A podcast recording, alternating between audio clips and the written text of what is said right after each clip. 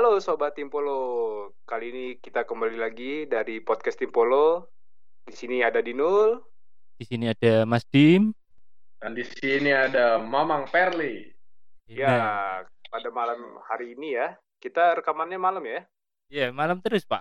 Yoi, Artinya biar itu bisa memberi info terkini bagi sobat-sobat Timpolo ya. Oh iya dong, malam-malam kita harus update basket biar nggak ketinggalan. Nah, Roma. Nah, kali ini pembahasan kita ini kali ya, langsung tentang berita yang lagi panas-panasnya kali ya bisa dibilang tentang dianiaya ya jatuhnya ya. Apa tuh? Kok Waduh. dia nyaya, Bos? Apa itu? Enggak yang iya kan kasus rasisme kali ya bisa dibilang ya, penganiayaan saudara kita yang ada di Amerika Ya, oleh polisi gitu, ya, ya. yang bernama George Floyd. Hmm, hmm, hmm. Rame tuh. George. Iya ramai sekali. Tentunya George Floyd ini diperbincangkan oleh semua kalangan itu, termasuk kalangan pebasket-pebasket NBA gitu kan, di mana kita tahu bahwa kultur kultur apa ya kaum berkulit ini ya jatuhnya ya kita bilangnya ya. Kaum berkulit. Emang yang tidak berkulit itu yang mana dulu? Oh iya, berkulit tuh. Kaum kulit warna kali ya nyebutnya ya.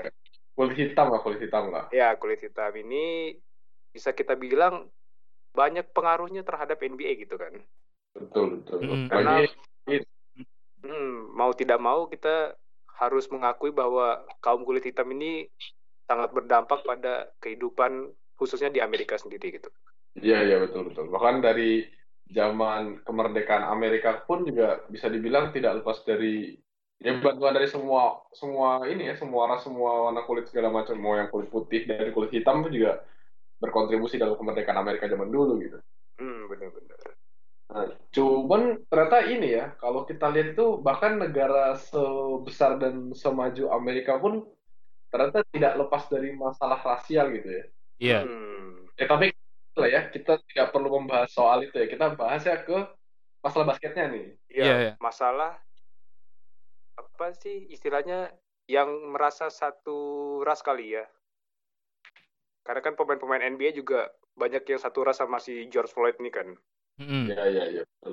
Jadi pasti mereka juga punya solidaritas dong nggak terima kan apabila salah satu saudaranya diperlakukan seperti itu gitu. Iya. Iya, iya, iya, betul, betul. Cara mungkin cara-cara yang kita bisa lihat yang dilakukan oleh pemain-pemain NBA ini adalah dengan ikut turun ke jalan gitu. Ikut Iya. aksi ya. Ikut aksi untuk menyuarakan apa namanya ketidakadilan yang diterima oleh saudara mereka itu. Hmm. Iya, iya, iya.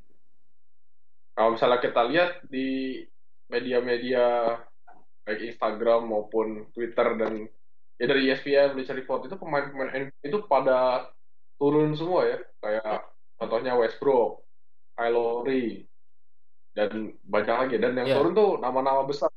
Giannis, bahkan Giannis yang notabene orang Yunani ya. Hmm, hmm. Iya.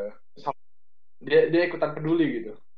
Iya. Dan- Tapi ini ya, kalau menurut kalian itu kok ini ya, kok mereka tuh sampai bela-belain mau turun ya? Maksudnya dalam gini, mereka itu kan memang adalah atlet dan sebentar lagi NBA mau mulai lagi gitu ya.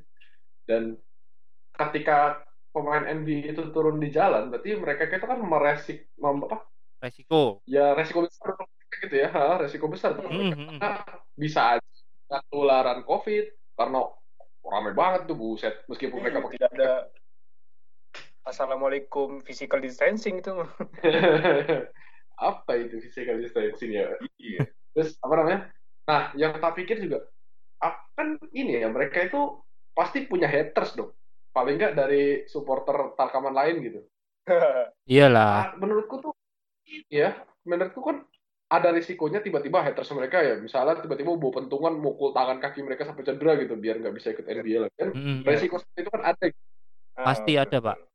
Iya, Pak. Jadi resikonya tuh banyak, tapi mereka tuh tetap mau turun ke jalan gitu. Nah, kalau menurut kalian itu kenapa tuh? Sampai mereka mengesampingkan resiko-resiko itu sampai mau ikut aksi gitu. Hmm. Gimana kalau menurut kalian? Gimana? Dinul dulu lah, yang paling jauh, yang membuka opening. Oh iya, Oh. Nul. tahun loh. Nah, kalau menurutku sih karena ini sudah apa ya masuknya kan sudah kasus yang sensitif kali ya. Jadi mereka sudah tidak peduli apa yang namanya si physical distancing ini gitu. Oke. Karena mungkin menurut mereka apa yang mereka suarakan itu adalah hal yang penting gitu. Jadi bagaimana caranya itu bisa disuarakan dan bisa didengar oleh aparat sana mungkin. Iya. Oke, oke. Karena kan hilangnya nyawa seseorang itu kan mungkin tidak bisa diganti ya walaupun yang kasus kasus Covid juga banyak gitu ya. Iya. Iya, Tapi iya. kasus ini sendiri tuh kan sudah lama banget kan di Amerika itu kan dipermasalahkan. Jadi mungkin hampir dibilang setiap tahun kali ada ya kasusnya Iya, Iya, Pak. rasial gini. Ya, Dari jadi mungkin dulu. mereka sudah geram juga, sudah kesel juga. Jadi ya kalau kata orang Jerman lah sabodo teuing lah gitu. Wih, Hmm, hmm, hmm. orang ah, Ya, jadi gitu Fer menurutku Fer. Oke, oke. Nah, menurutmu Din? Dari sisi psikologi Jawa? Waduh. Waduh, waduh. Kok saya yang ditanya psikologi Jawa? Kalau menurutku gini, Pak. Apa ya? Kan ini masalah kasus rasisme di terutama di Amerika kan nggak baru pertama kali. Iya kan? Udah dari dulu apa ya mendarah daging lah. Cuman beberapa akhir tahun ini setelah presidennya si Donald Trump itu kan dia sering membuat statement-statement yang membuat kulit hitam merasa terpancing kan, merasa terpojokkan gitu loh. Oke. Nah, triggernya itu mungkin kemarin itu, apalagi kan si siapa yang kemarin meninggal itu kan jelas banget gitu loh, Pak. Direkam, terekam, ada kamera sampai ya menghilangkan nyawa dengan cara seperti itu nggak manusiawi banget gitu loh, apalagi kulit hitam kan. Jahat banget. Sih, Des. Menurutku si apa namanya para pemain-pemain NBA ini ikut turun ke jalan ya ini tuh biar jadi yang terakhir gitu loh di di Amerika sendiri. Oke, oke. Jadi setelah ini harapannya mereka tuh mungkin tidak ada kasus lagi seperti yang ditimpa si kemarin yang meninggal itu. Siapa? Siapa yang kemarin meninggal itu siapa? Siapa Nur? Floyd. Siapa? Anu, George George Bush. Floyd. Waduh. Nah, itulah pokoknya yang meninggal kemarin. Jangan sampai ada lagi. Apalagi kan seorang atlet-atlet NBA ini kan dia nggak hanya sekedar atlet, mereka punya pengikut yang banyak dalam artian fans-fansnya kan. Nah, itu bisa membuat apa ya, membentuk sebuah opini atau membentuk sebuah pemikiran tuh bahwa atlet aja peduli gitu loh Kak, sama seorang ya katakanlah seorang yang pinggiran lah, seorang yang tidak penting. Tapi ketika ada kasus seperti itu ya si atlet terutama atlet-atlet NBA ini pada peduli gitu loh. Ya itu tujuannya cilik. tujuannya biar apa biar ini yang terakhir jangan sampai ada lagi nah mungkin masalah resiko-resiko yang di apa yang di yang di nanti dialami sama si atlet apalagi sebentar lagi mau mulai season mau mulai apa di musim pandemi ini menurutku mereka pasti sudah memikirkan ya tapi balik lagi karena itu sebuah solidaritas ya mereka pasti siap menerima resikonya gitu sih Oke, oke. Nah, ya, terus menurutmu gimana, Fer? menurutku ya kurang lebih sama sih ya sama kalian ya maksudnya eh, menurutku kan mereka punya resiko yang luar biasa besar gitu memutuskan Hmm. turun ke jalan Hmm. Nah, menurutku justru karena mereka punya risiko yang besar itu mereka sampai bela-belain turun ke jalan untuk memberikan sebuah statement ya kalau misalnya masalah ini tuh lebih penting daripada gua sebagai pemain NBA gitu iya. Hmm. kalau kita lihat orang captionnya bigger than basketball, bigger than basketball, dan apa namanya? eh, memang betul kalau kejadian itu sudah lama sekali kejadian. Dan Mm-mm.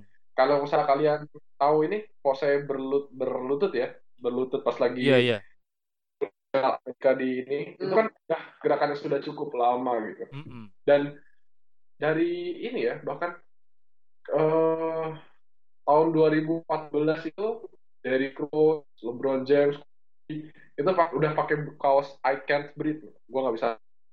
Oh Untuk iya. kasus yang kurang lebih sama. Mm-mm. Jadi kurasa ya memang kejadian kemarin tuh sudah benar-benar puncak kekesalan Iya. rakyat Amerika terus dan termasuk para pemain NBA gitu. mereka sudah muak sekali dan apa namanya eh, ya itu sih mungkin menurutku karena ini masalah yang lebih besar dari basket jadi mau mereka mau ada sekalipun ya mereka akan tetap turun dan Mm-mm. benar kata Dimas tadi kan mereka juga punya pengikut yang banyak gitu jadi menurutku harapannya dengan si pemain NBA ini muncul ke publik para pengikutnya pun akan mengikuti mereka gitu Hmm. terbukti dari uh bisa ramai sekali bos Hmm. Kalau di Jawa ada istilah itu, Pak.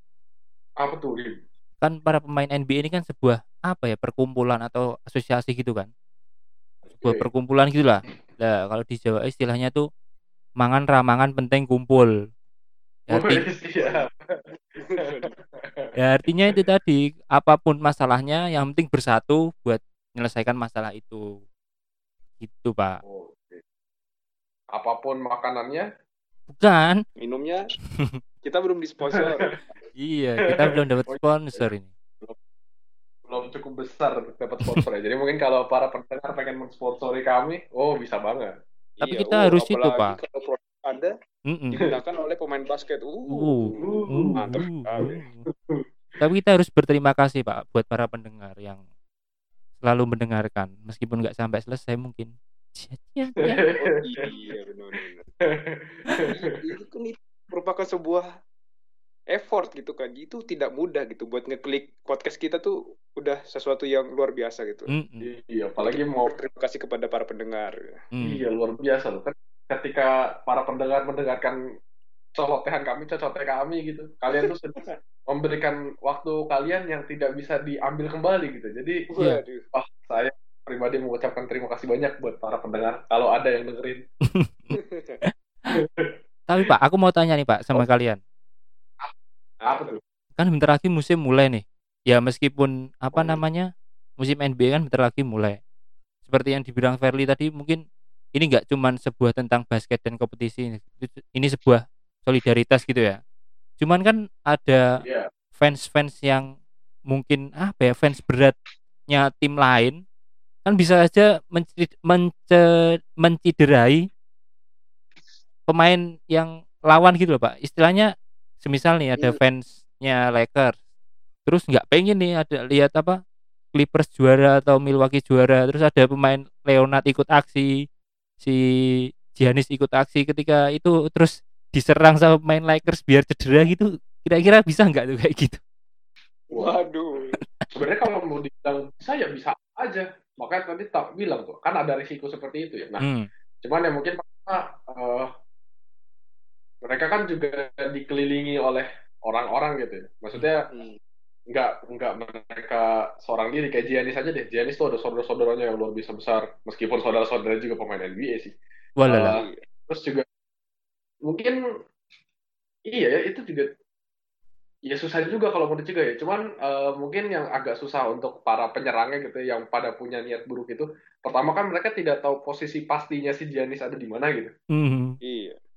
Terus kalaupun kalaupun ketemu gitu ya dan kalaupun ketemu Giannis dan kebetulan dia megang pentungan gini terus dia tiba-tiba nyamperin Giannis. Nah menurutku ya dia pasti akan dicegah oleh orang-orang di sekitarnya dulu gitu karena Hmm. kan kamu megang pentung tiba deketin orang sebesar itu nama besar itu orang-orang kan pasti pada ngeliatin dulu ya woi mau ngapain bos ya. jadi ya meskipun kemungkinan ada juga sih kalau nek- menurutmu pian Gimana Fer? Oh gitu.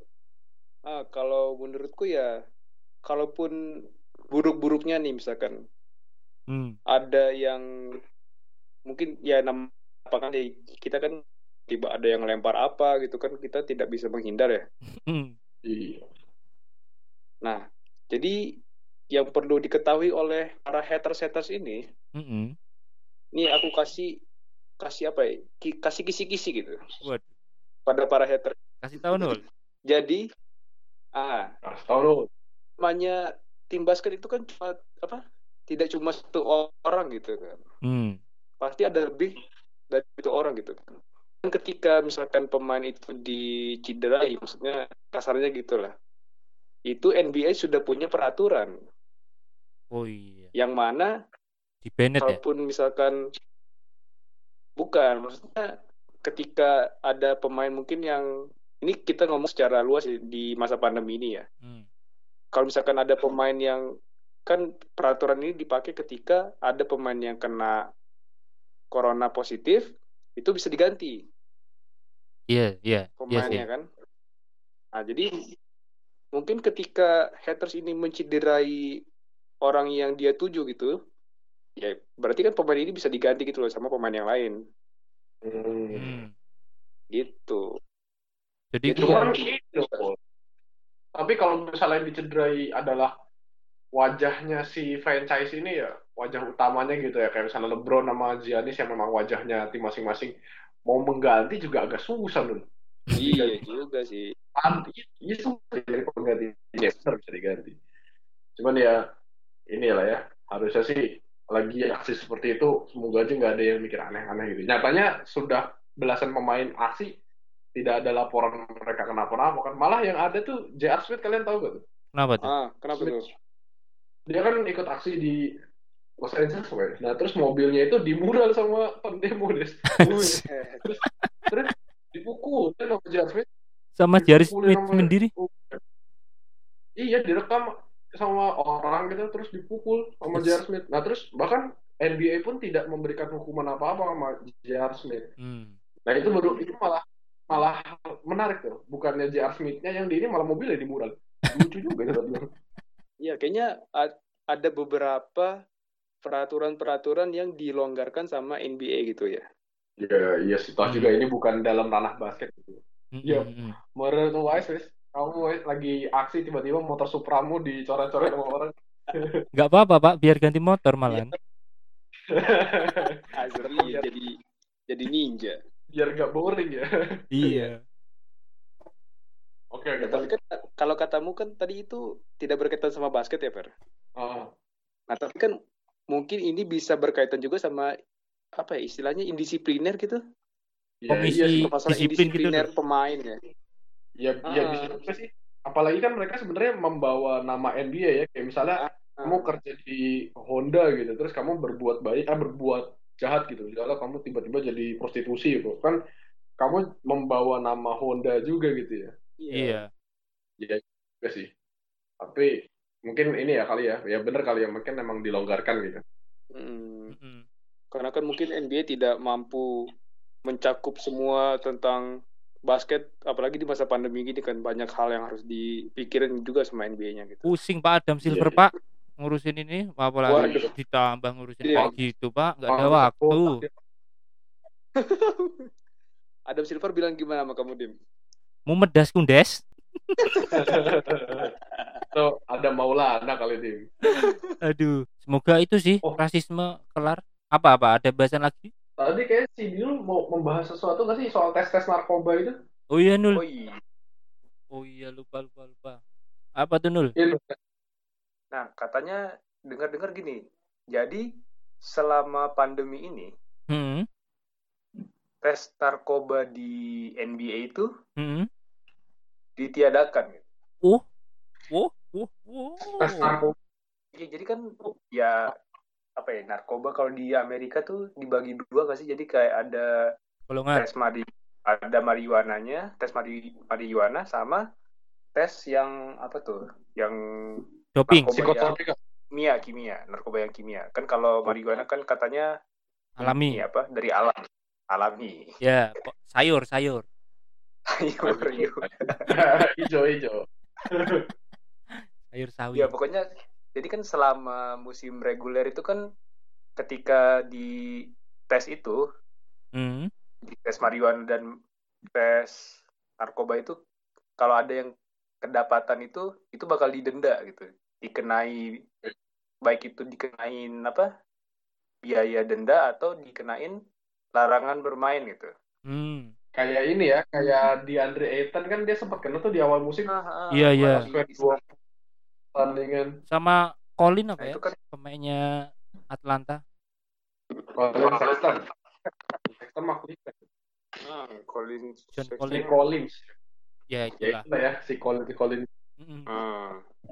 jadi NBA menyetop loh maksudnya meniadakan ini loh Ya, jadi selama pandemi ini, jadi ketika pandemi ini sudah berakhir, Hmm. nah itu bakal dites lagi. Duh, duh, duh, duh. Tuh. Tapi menarik ya, berarti mungkin NBA itu melihat adanya kemungkinan kalau si pemain-pemain ini akan menggunakan zat-zat seperti itu pas lagi di rumah gitu ya. Dan NBA Hmm. tahu tapi mentolerir gitu. Agak menarik juga nih. Iya. Karena kan sama NBA kan dikasih kebebasan tuh. Kalian boleh workout sendiri, latihan sendiri, tapi kalau untuk latihan sama tim, kalian tidak diperbolehkan katanya. Tuh. Hmm, Dulu awal-awalnya. Hmm. Dan ini kan ya pasti yang namanya latihan sendiri kan kita tidak bisa memantau kan pemain NBA ada berapa banyak kan dari puluhan tim. Hmm, hmm, hmm.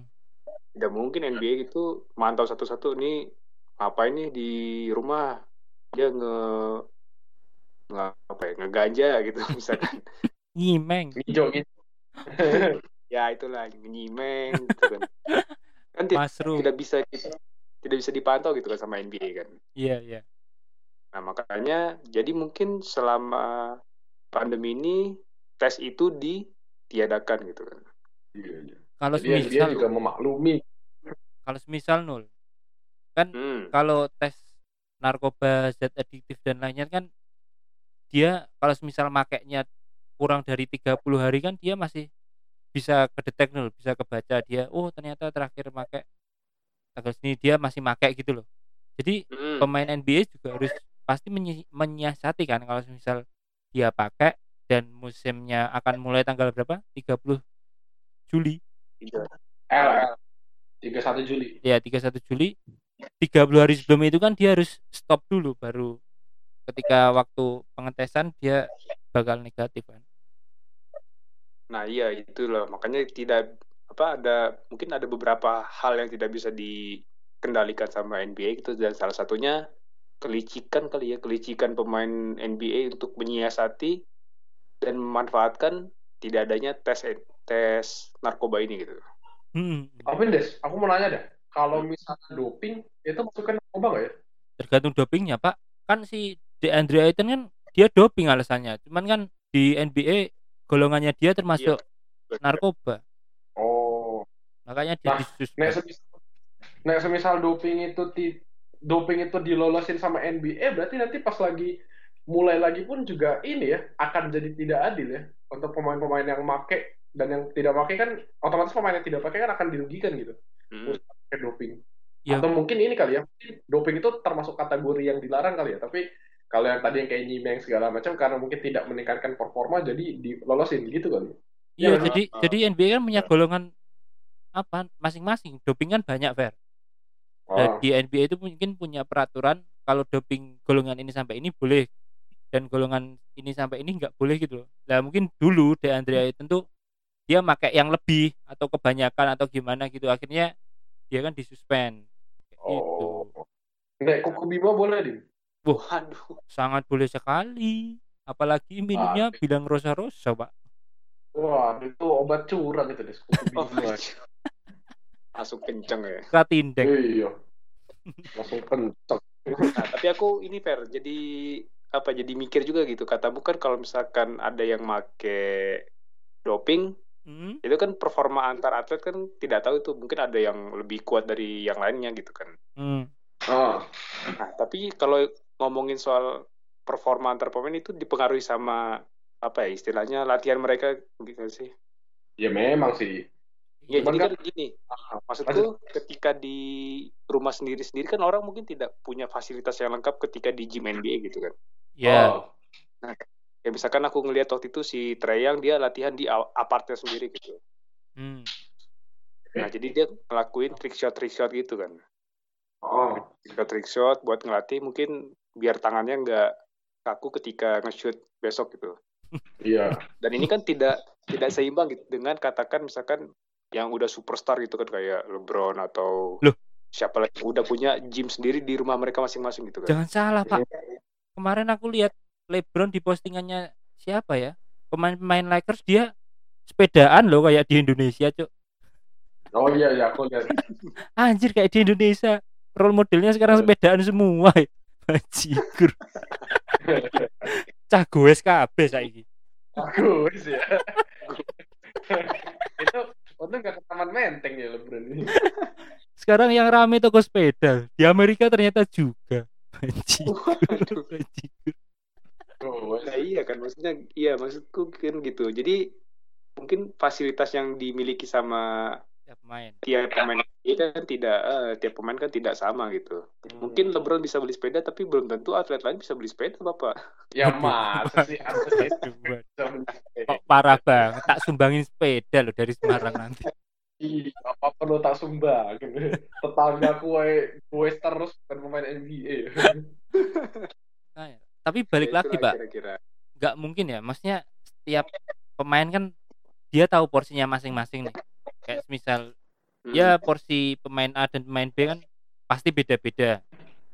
Kalau dikatakan nggak adil menurutku sih ya adil-adil aja. Misal dia tahu kondisinya seperti ini dia harus workout seperti apa ya yang tahu dia sendiri gitu loh. Jadi tidak ada istilah ketidakadilan. Kalau misal masalah doping ya itu pilihan lagi pak balik lagi. Yang penting NBA diperbolehkan maksudnya golongan ini sampai ini diperbolehkan ya pasti si atlet itu pasti juga doping-doping juga kayak gitu sih iya juga ya maksudnya kalau emang semuanya make ya jadi adil adil juga gitu iya Hmm. Ya kurang lebih gambarnya kira-kira seperti itu loh. Jadi kan ada yang membuat antara pemain NBA itu terlihat beda nanti ketika game dimulai gitu. hmm, kita Hmm. harus nobar. Waduh nobar tebal. iya nih. Siap. Link-link bajakan kalian. Oh, oh, tidak boleh tidak boleh. Kalian harus subscribe NBA League Pass. Iya. emang masih Kalau free? salah NBA League gratis. yo enggak sih. Eh kayaknya NBA TV masih dibuka deh. IndiHome? NBA TV eh masih dibuka kayaknya. Masih nggak nul? Tapi NBA TV nyariin live playoff deh Waduh kurang tahu ya. lah masa nggak nyarin cuk dulu waktu aku masih punya kagak nyarin des. Yang maksudnya lagi live ini ya lagi playoff apa gitu. Yang disiarin ya takaman dulu opo yang disiarin Oh, biasanya pre pre game sama post game ya des. Tapi kalau Oh. pas lagi gamenya ESPN udah enggak juga. Fox Sport iya. Disiar disiarinnya ya pas lagi si apa namanya eh siapa sih namanya? Shaq terus Kenny Smith terus Charles Barkley itu apa nama Hmm. acaranya? Ya itulah pre game Oh, tayangin tapi pas game memang kagak oh iya. kalaupun ditayangin biasanya regular season dan itu random. Tapi kalau di oke ya udah enggak. Oh gitu. Tapi League Pass Yo, ditayangin ya?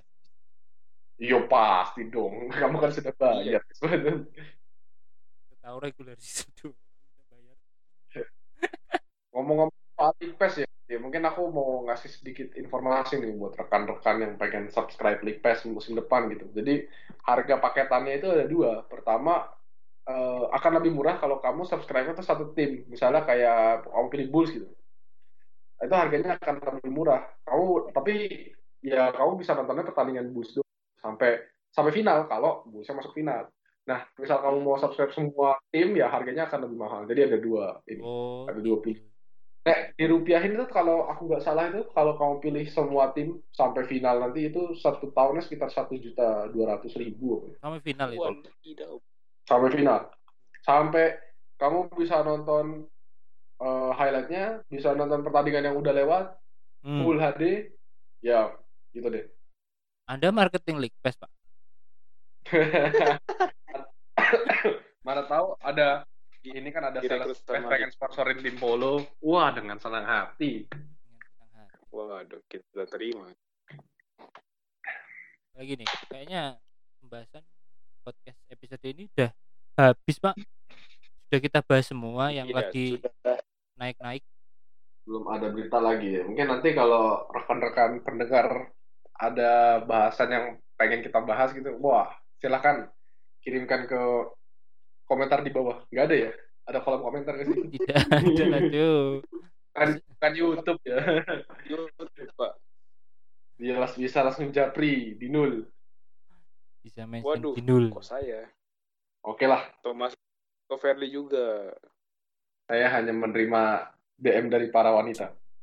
Yang Wah, kamu saya hanya menerima DM Menarik sponsor. nih, ada pendengar ada pendengar podcast Timpole yang dari kaum Hawa gitu kan. Wah berarti Ah. podcast kita sudah ter dasar ngacengan Baiklah. jadi kita selesai kita tutupkan saja. Semoga sampai ketemu lagi di episode Timpolo selanjutnya. Salam Timpolo.